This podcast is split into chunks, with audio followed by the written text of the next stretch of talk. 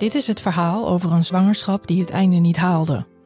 Over wat er gebeurt als je baby zo vroeg wordt geboren dat ze zonder hulp van artsen niet zal overleven. Het gaat over de baby's die vechten voor hun leven en over de ouders die zich staande moeten houden in alle emoties. Over verwachtingen die niet uitkomen en over de periode erna. Podcast Prematuur gaat over de helden van het eerste uur. Ik ben Vanessa. Welkom bij Podcast Prematuur.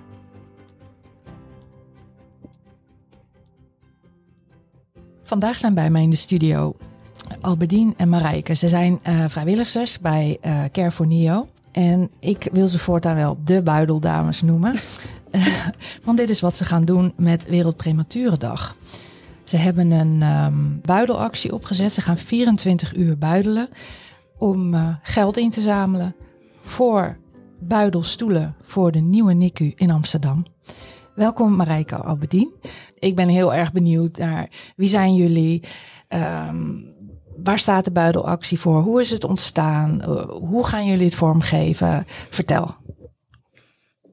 Nou, ik ben Marijke. Ik ben de moeder van Thomas en Mees. Mm -hmm. Thomas en Mees zijn uh, acht jaar geleden geboren. Na een zwangerschap van 24 weken en vijf dagen.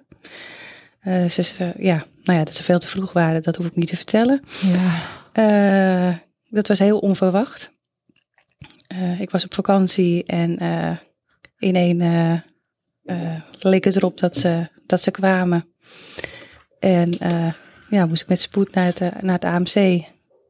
En een, uh, een aantal uur later was ik, was ik mama van twee, twee mannetjes. Ja. En ja, begon, begon onze reis. Hmm. En ja, die reis die was best flink heftig. Hmm. Um, ja. De start van Thomas, die was, mijn, e mijn, ene zoontje, die was heel erg goed. Hij was ook voor, qua gewicht voor die zwangerschap best nog wel redelijk. Mm -hmm. 755 gram. Ja. En mijn andere zoon Mees, die had een hele slechte start. En die was 735 gram. nou ja, die hebben ze echt best wel aan moeten lopen trekken. Nou ja, uiteindelijk zijn ze dus uh, naar de afdeling gebracht. En nou ja, ging het, ging het wel wat beter. Maar nou ja, leef je uur na uur. En nou ja, zoals je zelf ook weet, van, nog mm. net niet van dag tot dag. Mm. En nou ja, ze hebben allebei kregen ze een infectie. En weer beademen, weer eraf. Mm. Allerlei onderzoeken. En nou ja, op een gegeven moment na een aantal, aantal dagen leek het erop dat Mees een stuk slechter, een stuk slechter ging. Dus dat we die konden gaan verliezen. Ehm, nou ja, een aantal dagen later ging het toch wel weer wat beter. Mm. Toen, nou ja, ik zag je het al aankomen, ging Thomas er mee aan de gang. Mm. Toen trokken ze elkaar wel een beetje op, leek het wat beter te gaan. Mm. Maar nou, na 18 dagen heeft Thomas het op moeten geven.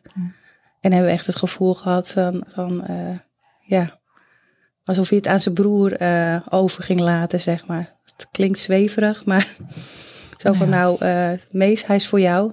En hebben we afscheid moeten nemen van Thomas. Zo. Dus ja. ja, je komt dan achter, achter dingen, grenzen die je stelt, zeg maar. We hebben altijd mijn man en ik hebben altijd afgesproken van we gaan tot een bepaalde grens. Mm. Maar die verleg je ook steeds weer. Ja. Vooral als je kind ziek is. Je denkt nou misschien toch nog dat, toch nog dat. Terwijl je mm. weet van op een gegeven moment voel je aan van dit gaat hem niet, uh, gaat hem niet worden. Mm. En dan wordt ook je ergste nachtmerrie, die, wordt, die wordt waarheid. Ja. We hebben gelukkig wel heel mooi afscheid kunnen nemen van Thomas. Hij is heel mooi bij mij op mijn borst. Hebben ze hem gelegd. En is hij heel mooi overleden. Dus ja, dat is dan na 18 dagen.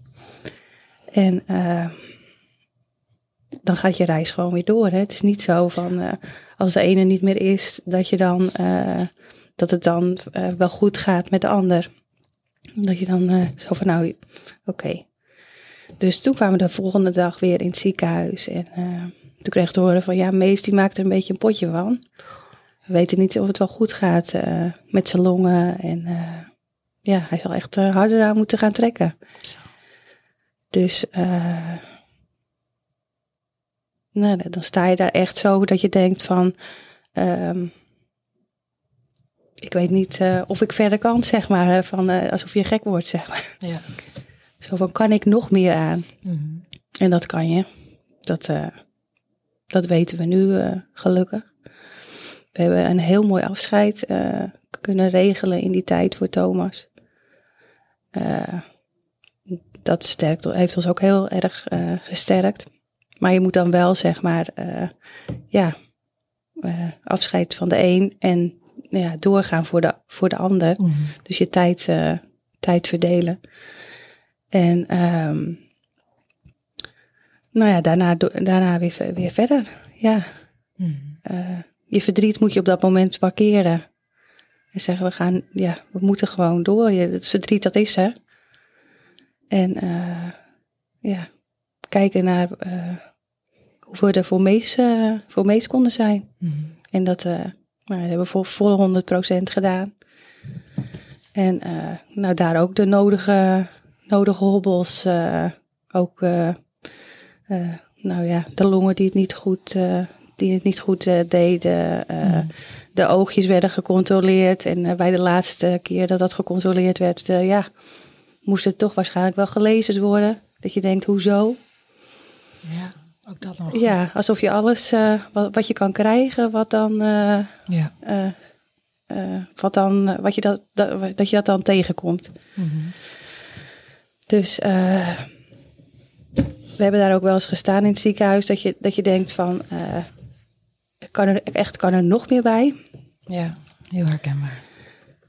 En eh, je ziet alle andere ouders eh, op een gegeven moment vertrekken eh, op hele vervelende momenten. Want wij hebben ook echt een hele vervelende tijd daar gehad met heel veel kinderen die, die het niet, niet redden. Mhm. Wat je eigenlijk ook allemaal meekrijgt. wat je ook allemaal meekrijgt daar. En ehm, maar goed, uiteindelijk eh, naar allerlei operaties ook. En eh, hebben we hem toch na 19 weken, eh, of eigenlijk na 17 weken mochten we naar het Zaanse ziekenhuis. Oké. En twee weken later mocht hij dan uiteindelijk naar huis. Mhm. Maar het is echt een heel heftige reis geweest Ja. van eh 119 dagen. Ja. Maar ik heb nu een hele mooie, mooie zoon van acht. eh, Ja, hoe gaat het met hem? het gaat, eh, gaat heel goed. Ja. Ja, ja, hij gaat naar school. Mhm. Hij zit op zwemles. Hij voetbalt. Kijk. Zo, natuurlijk heeft hij zijn uitdagingen. Ja. Hij, eh, ja, hij, hij heeft wel een wat tragere ontwikkeling. Mhm. Maar kijk, we, we kijken naar wat hij wel kan. En Ja. niet naar wat hij nog niet kan. Mhm. Want dat vinden we het allerbelangrijkste. Ja. Dus dat is eh, in horten en stoten Ja. het verhaal van Marijke. Mhm. Een bak met ervaring. Ja, ja. Ik had ook na, na ongeveer twee jaar nadat uh, Mees thuis was gekomen, had ik ook echt de behoefte om, uh, om iets te gaan doen, zeg maar, met mijn ervaring. Of Mhm. eigenlijk had ik dat meteen al, maar dan voel je toch dat daar het niet de tijd voor is. Ja. Dus, uh, dus uh, na één, twee jaar heb, ik me dan ook aangemeld uh, als, als vrijwilliger. Mhm. Om, uh, om iets te kunnen gaan doen met mijn ervaring. Ja. Sinds die tijd ben je actief bij Care for Nina. Ja, ja, ja. Als ziekenhuiscontactpersoon Oh, ja. in, het, uh, in het AMC. Hey en Albedien, vertel jouw achtergrond. Ja, ik ben uh, moeder van Koen en Max. Koen is uh, gewoon op tijd geboren. Ja. Um, en Max die um, bij de 20 weken echo, uh, ja, die normaal iedereen altijd doet onder het mom van uh, is een jongen of een meisje. Dus die deden wij ook. Ach, Max was wat kleiner. Ja, ach, Koen was ook niet zo groot toen hij werd geboren. Achteraf gezien, na al die jaren, kom je erachter dat eigenlijk Koen ook dismatuur was. Oké. Okay. Um, maar goed, 20 weken echo.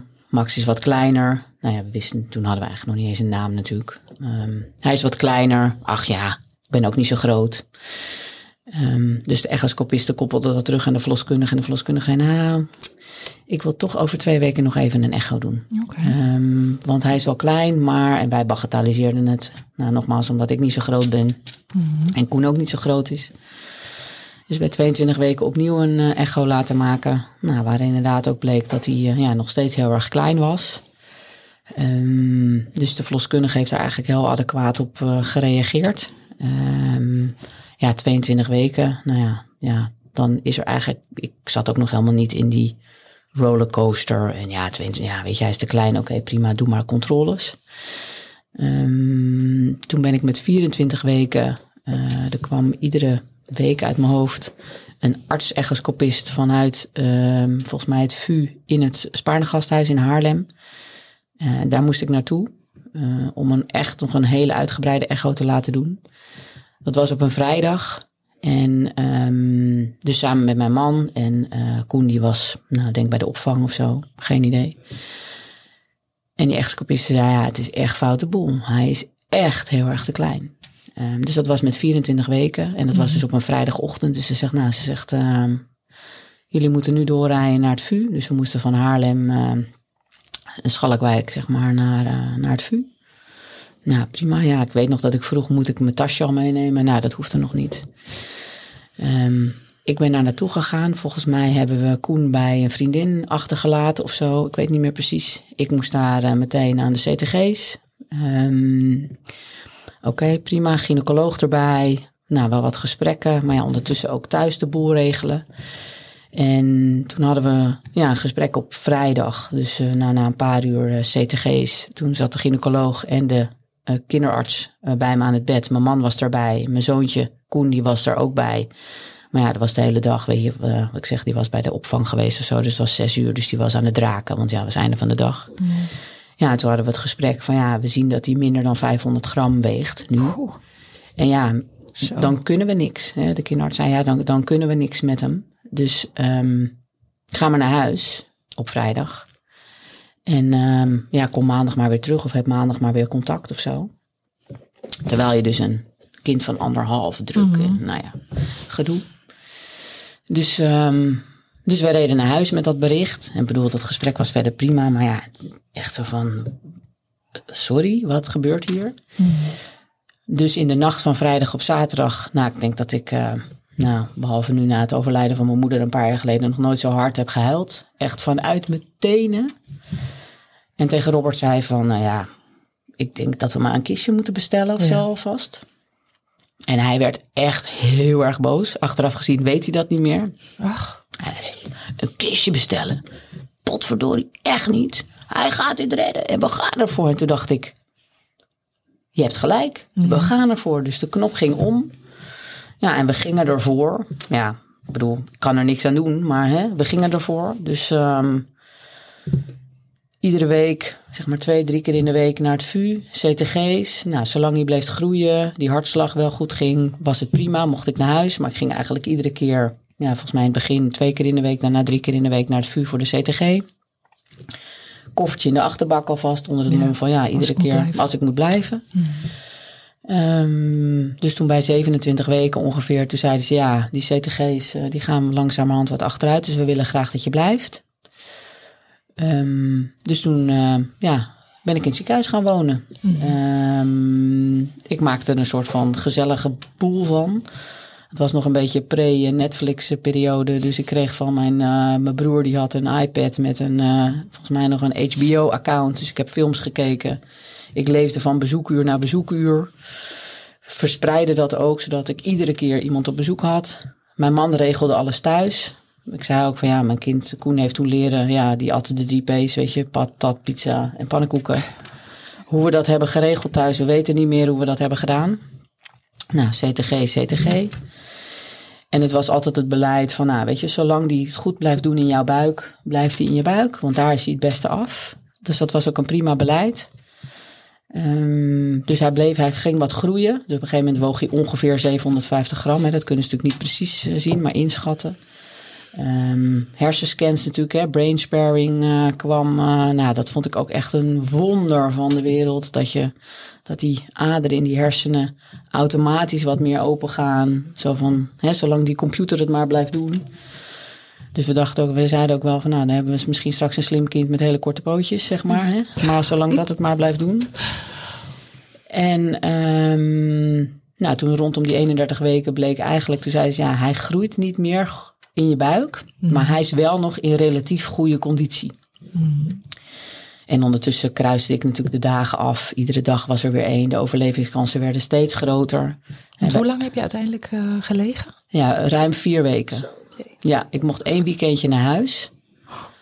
Vond ik op zich ook wel een soort van spannend. Ja. Um, maar tegelijkertijd ook wel een soort van relaxed. Maar ja, toch ook niet helemaal fijn, zeg maar. Ik vond het ook fijn om bij Koen te zijn. Um, want ja, Robert kon ook niet iedere dag naar het ziekenhuis komen. Want ja, weet je, die heeft ook natuurlijk gewoon werk. En, uh, ja. Maar goed, voor Koen hadden we altijd in het ziekenhuis. Ik had een, uh, uh, mijn broer en mijn schoonzus hebben een speelgoedwinkel. Dus we hadden speelgoed staan in de kast. Zodat het voor Koen niet was, oh ik moet naar mama in het ziekenhuis. Maar heel leuk, daar staat een grote vrachtwagen. Ja. En in, in het VU heb je kinderstad uh, op de bovenste verdieping. Dus dan gingen we daarheen. Dan ging mijn man voetballen met Koen. En ondertussen vertelde ik mijn dag. En wat de arts die dag had gezegd. En ja. wat me was... Uh, nou ja, ik heb negen verschillende dames gehad bij mij op de kamer. Dus het was ook soms ook gewoon gezellig. Ja. Dus toen bleek inderdaad van nou, hij, hij um, groeit niet meer, maar hij is in relatief goede conditie. Dus we denken toch dat het beter is om hem nu te gaan halen. Um, en ik had bij Koen uh, al een geplande keizersnee gehad, omdat hij destijds in stuit lag. Dus ja, die keizersnee, ja, dat was eigenlijk een soort van, nou prima. Dus we wisten ook van, nou op donderdagavond zeiden we van, uh, we gaan morgen gaan we de keizersnee uh, doen. Um, en wat bijvoorbeeld heel lief was, was dat de lunchdames die mij altijd broodjes kwamen brengen, die waren helemaal geschrokken, want ik was die dag naar een andere kamer verplaatst. Dus zelfs zij waren helemaal in paniek van, ja, maar waar is ze nou? Want ze ligt hier al vier weken en oh nee, er is toch niks ernstigs gebeurd. Dus dat was ook super lief. Dus ik ben um, die vrijdagochtend uh, klaargemaakt voor, um, voor de bevalling. Alleen ik reageer wat uh, vagaal, zoals je dat zegt uh, inmiddels in medische termen, op een infuus. Dus mijn bloeddruk zakte heel erg. Uh, dus ineens was het blinde paniek, want de hartslag van Max in mijn buik die ging echt nou, naar heel weinig. Um, dus Robert heeft met de verpleegkundige en het bed zeg maar door de gangen gerend naar de OK. Nou, ik weet nog dat ik daar zat te trillen. En dat ik dacht, ja, dat is misschien van de kou op de OK, maar dat was natuurlijk gewoon pure spanning. Maar goed, de ruggenprik ging verder prima. Um, Max' hartslag kwam weer terug, dus dat was oké. Okay. Um, ik zie Robert nog zitten met zijn camera om zijn nek. ja, dat hadden we van tevoren natuurlijk bedacht dat dat moest. Maar er waren natuurlijk verpleegkundigen die dat ook netjes deden. Mm. Dus de gynaecoloog die had een uh, assistent bij zich. Dus die waren bezig achter het groene scherm om Max te halen. En ik weet nog dat de gynaecoloog, de assistent fluisterde tegen de, de, de, de echte gynaecoloog. Ik kan hem niet vinden. Want die max is natuurlijk maar 755 gram. En je zei al, ja, dat kan geen toeval zijn dat uh, ja, Marijke haar zoon ook 755 ja, gram woog. Maar ja, 755 gram zoeken in een buik, dat is, ja, dat was best even, ja, ik weet dat ze dat zei. Dus daar, toen dacht ik echt van, ja, hij is echt inderdaad heel klein. Mm. Dus ja, hij werd eruit gehaald. Um, nou, dan stoppen ze hem, hè, zoals veel NICU-moeders inmiddels weten, in een boterhammenzakje. Ja. Ik heb dat verder niet gezien. Ik was eigenlijk heel relaxed. Ik was lekker aan het praten met die anesthesist. Ja, relaxed, geen idee. Natuurlijk ook door alle spanning. Maar ja, Robert die zag dat natuurlijk. En die zag een bloederig boterhamzakje op een opvangtafel gelegd worden. Dus dacht, nou, het is klaar. Dus uh, die had ook nog even wat hulp nodig om uh, niet flauw te vallen. En um, toen weet ik nog dat ze de couveuse soort van bij mijn hoofd zetten. Zo van, nou mama, kan je nog heel even kijken? Maar ik dacht alleen maar, ga maar. Ga maar naar de NICU. Het komt goed, weet je. Ik, ik kom er wel achteraan. Dus Robert is met eh, de couveuse naar de NICU gegaan. Nou, ze hebben mij natuurlijk uh, weer netjes dichtgemaakt. En toen ook heel lief op de, um, open, bij de uitslaapkamer zo'n man die zei van, eh, jij bent toch net eh, bevallen? Ja. Heb je alweer eh, gevoel in je benen? Nou, eh, nee, niet echt. Maar je bent net moeder geworden? Ja, oké, ik ga nu bellen naar de afdeling. Hupsakee. Zo. Dus die belde, want die wist natuurlijk gewoon, dit, die, moet, die moeder moet daarheen. Dus eh, ik in mijn bed eh, daar naartoe. Nou, en in de tussentijd, eh, dat heeft denk ik een uurtje geduurd. Dus Robert was daarbij. En ze hebben hem natuurlijk klaargemaakt met alle snoeren, draden, alle plakkers, beademing, ehm CPAP. En ehm, dus mijn bed wordt naast Max de Couveuse gereden. En de verpleegkundige zegt, eh, nou, eh, zullen we buidelen? Sorry? En je wist natuurlijk aan niet eens wat het was. En nou, dat was natuurlijk echt een magisch moment. Dat dat eigenlijk, dat dat dus, nou ja, niet eigenlijk, maar dat dat meteen kon. En dat die verpleegkundige dat natuurlijk zo haarfijn aanvoelt, dat dat meteen moet. Als dat kan, natuurlijk, als de gezondheid van je kindje toelaat. Eh, dus dat kon, dus dat, ja, dat, nou ja, zo'n 35 centimeter, hè, anderhalf pond op je buik. Ja, dat was natuurlijk echt wel, eh, wel magisch. En de NICU-tijd was op zich, we hebben vier weken in het vuur gelegen. Ehm, ja, toen ze zeiden dat ik naar een ander ziekenhuis moest na vier weken, zei ik nou echt no way. Nee, Nee, blijf je gewoon tot z'n achttiende. Hè? Het is natuurlijk zo'n veilige omgeving. Je bent er iedere dag. Je leert de verpleegkundige kennen. Eh, we vierden de mijlpaal dat Max een kilo woog. Dus we hadden een kilo drop chocola. Weet ik van. Nou, die verpleegkundige herinnerde zich dat nog steeds. Om te vieren dat hij een kilo woog. Ehm, Dat was niet eens in mij opgekomen. oh ja. Nee, bij mij Ja. ook niet. Nee, ja, ik ben dan toch heel erg van, oh ja, dat moeten we dan ook nog. Verpleegkundigen deden dat ook wel. Hè? Die, die probeerden echt wel die mijlpalen te vieren. En ik ja, ben dan toch ook heel erg van, oké, iedereen moet het goed hebben of zo. Dus toen gingen we inderdaad, nou ja, grote zakken drop. Leuk. Ehm, Max had ook een niet werkende schildklier. CTH, CHT noem je dat. Dat is domme pech. Dat heeft niks te maken met zijn vroeggeboorte. Maar dat kwam uit de hielprik. Nou, ik weet dat ik daar ook heel hard om heb zitten janken. Maar dat sloeg eigenlijk nergens op. Want dat is met medicijnen echt prima onder controle te houden. Dus vier weken NICU. En daarna nog zeven weken in het streekziekenhuis. En toen mocht hij de dag na kerst mocht hij, eh, mee naar huis. Dus hij is op 10 oktober geboren. Hij had op 10 december geboren moeten worden. En de dag na kerst eh, kwam hij naar huis. En ik had iedereen van tevoren gewaarschuwd dat de deur op slot gaat. Ja. En dat we niemand willen zien, zeg maar. Hè? Echt cocoenen.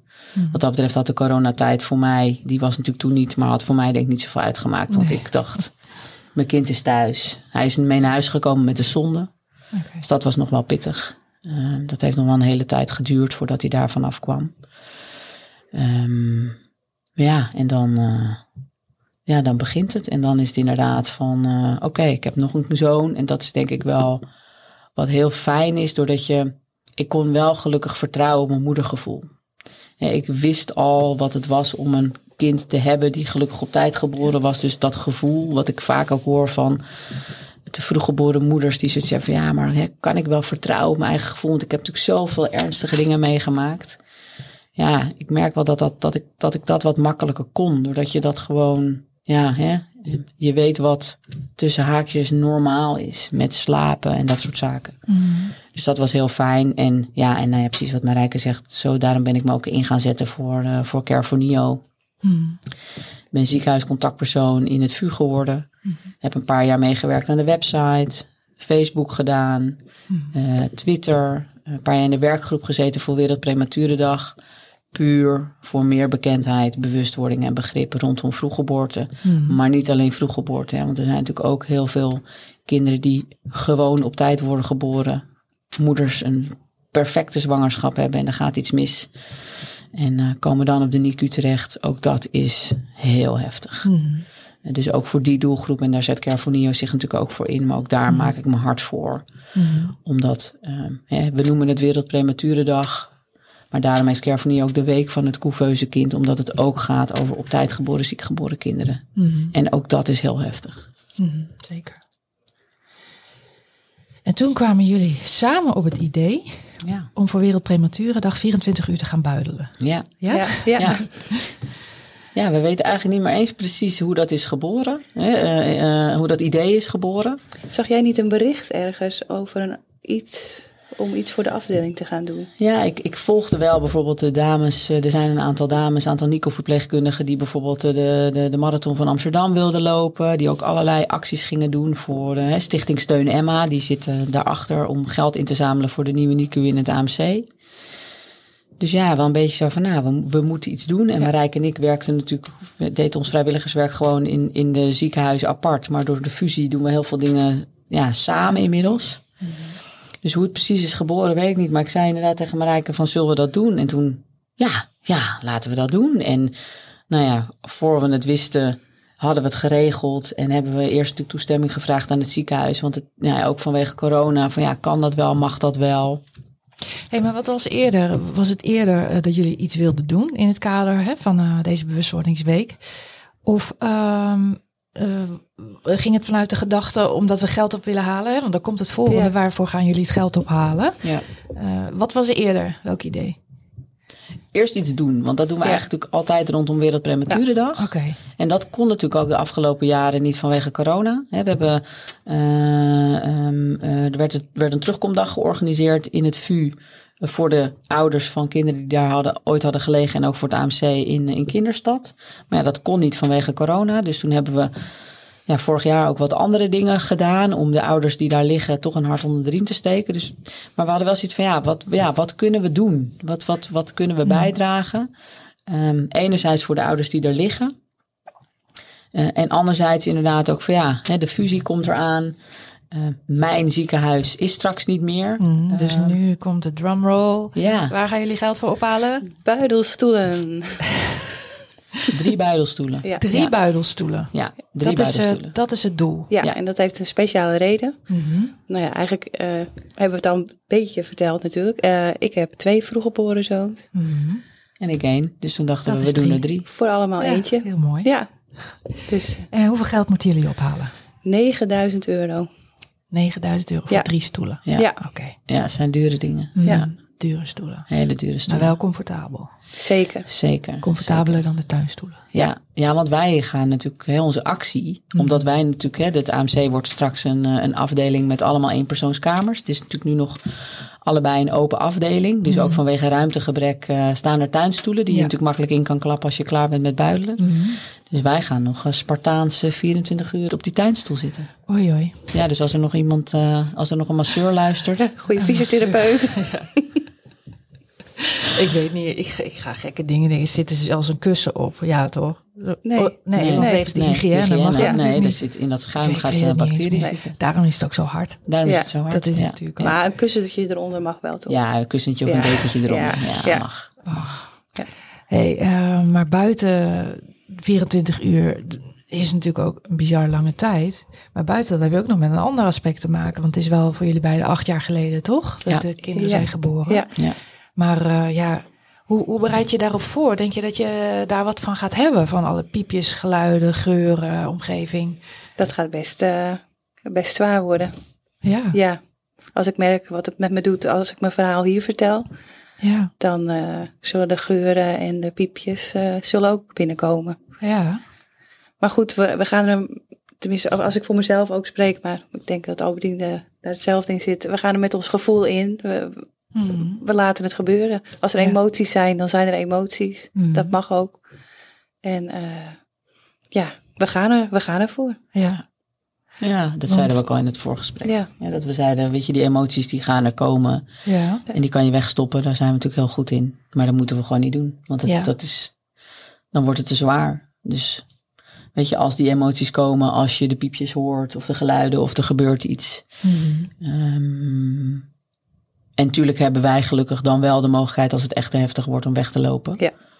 Dat kan natuurlijk niet als je normaal eh, met je kindje aan het buidelen bent. Maar als er natuurlijk iets heftigs gebeurt, ook op de afdeling. Mhm. Ehm, daar hebben we ook wel over gesproken al eh, Ja? met elkaar. Ja. Ja.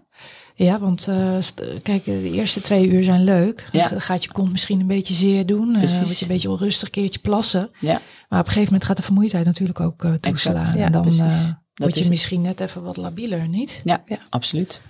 Maar daarom proberen we ook ons programma, zeg maar, binnen die 24 uur eh, redelijk gevuld eh, Ja. te hebben met eh, allerlei activiteiten. Ja, er komen allemaal eh, gasten bij jullie eh, Ja. Ja. op de koffie. Of, Ja, Ja, Hey, want even voor beeldvorming. Hè. Ehm, eh, je gaat 24 uur buidelen, maar eh, met een pop, hè?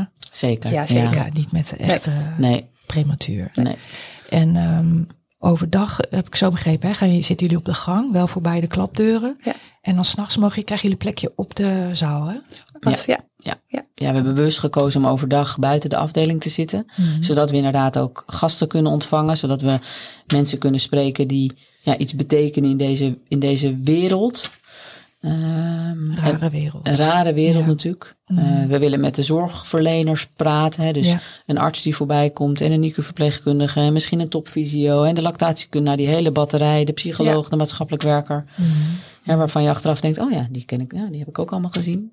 En wat ook nog wel belangrijk is om te noemen, want dat, daar krijg ik ook wel veel vragen over, dat Alberdien echt op locatie VU zit en ik op locatie AMC. Ja. Want heel veel mensen denken, oh, zitten jullie dan gezellig met elkaar? Nee, de uitdaging nog is niet. nog groter. We zitten Ja. allebei op ons eigen, in onze eigen ziekenhuis. Ja, ja, ja, echt respect hoor. Eigen ziekenhuis inderdaad. Dus Ja. er komen waarschijnlijk ook bekenden voorbij. En, ehm, Ja. Ja. Ja, ja en, en zo willen we dus ook echt die verbinding zoeken. Hè? Ook dus tussen die fusie tussen het AMC en het VU. Dus we, Ja. we gaan ook elkaar een paar keer via Insta bellen en zeggen: Hé hey Marijke, hoe gaat het daar?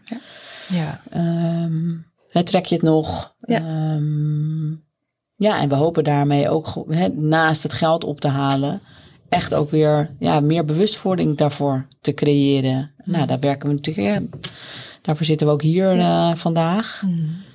Maar om wat meer de buitenwereld ook te laten zien van ja, wat is dat nou, dat buidelen? En hoe nuttig is dat wel niet? Hè? Dat, hè, nou ja, je zei het zelf ook al. Dat is natuurlijk het enige, hè, buidelen en kolven. Mhm.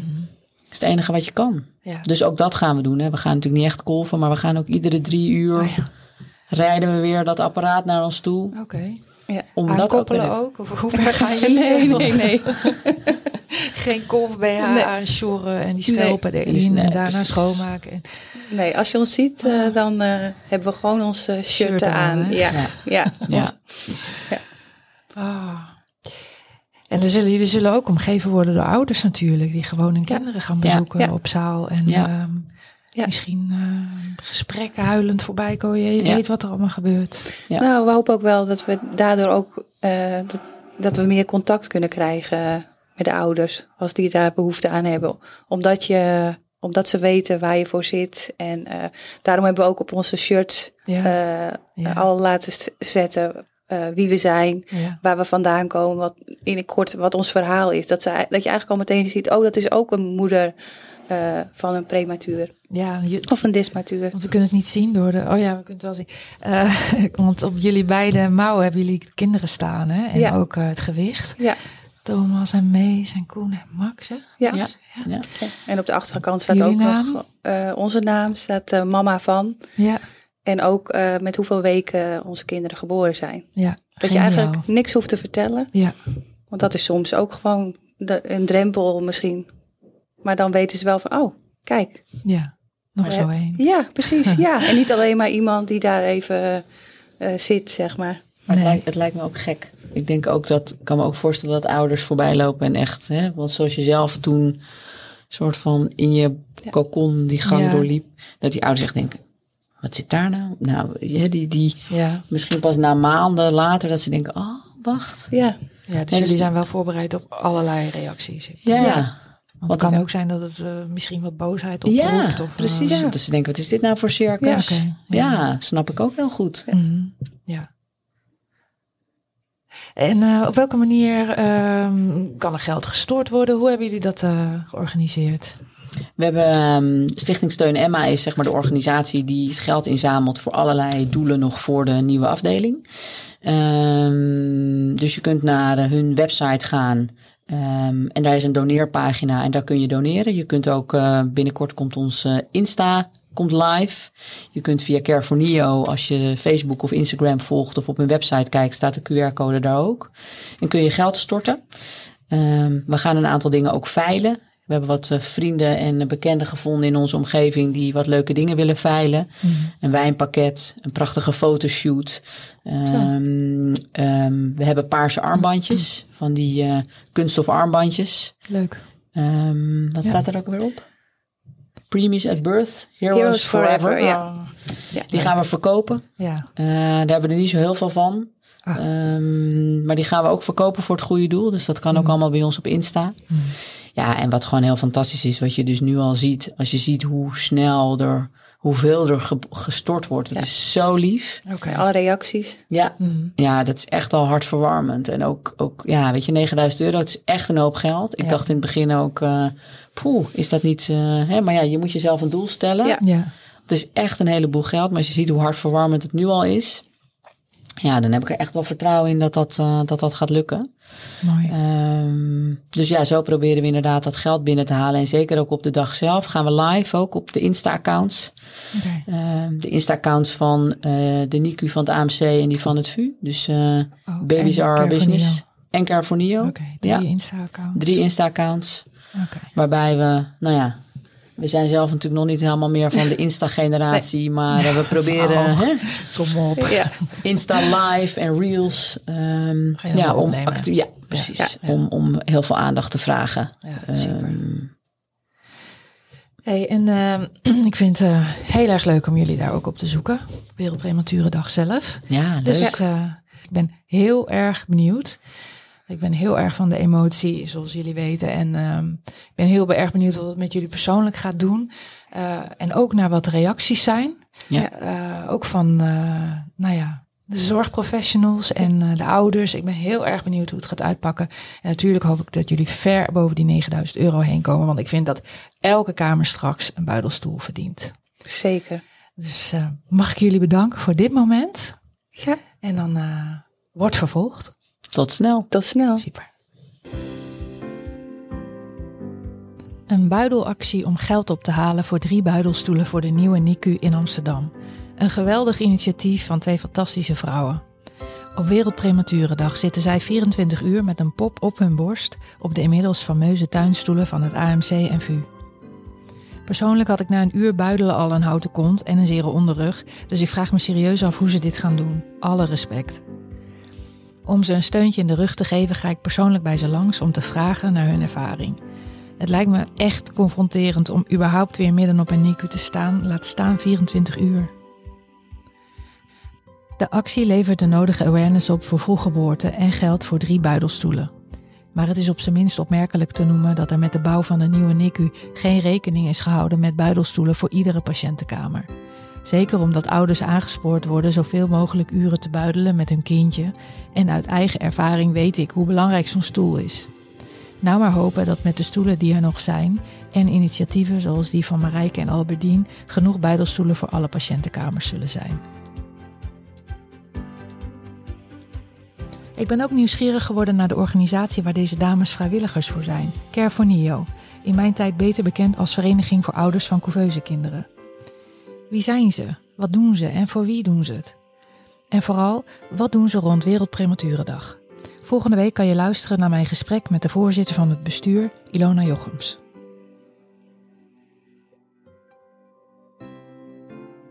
Podcast Prematuur over de helden van het eerste uur.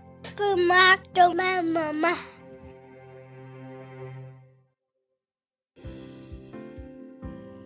Dank je voor het luisteren naar deze aflevering. Ik weet niet of je zelf moeder of vader bent van een prematuur of een zorgprofessional, maar ik hoop dat me is gelukt wat ik voor ogen had. Je als ouder het gevoel te geven dat je niet alleen bent en je als zorgprofessional een inkijkje te geven in de belevingswereld van ouders. Er komen nog veel meer mooie en interessante verhalen aan, dus ik hoop dat je volgende week weer luistert naar een nieuwe aflevering van Podcast Prematuur.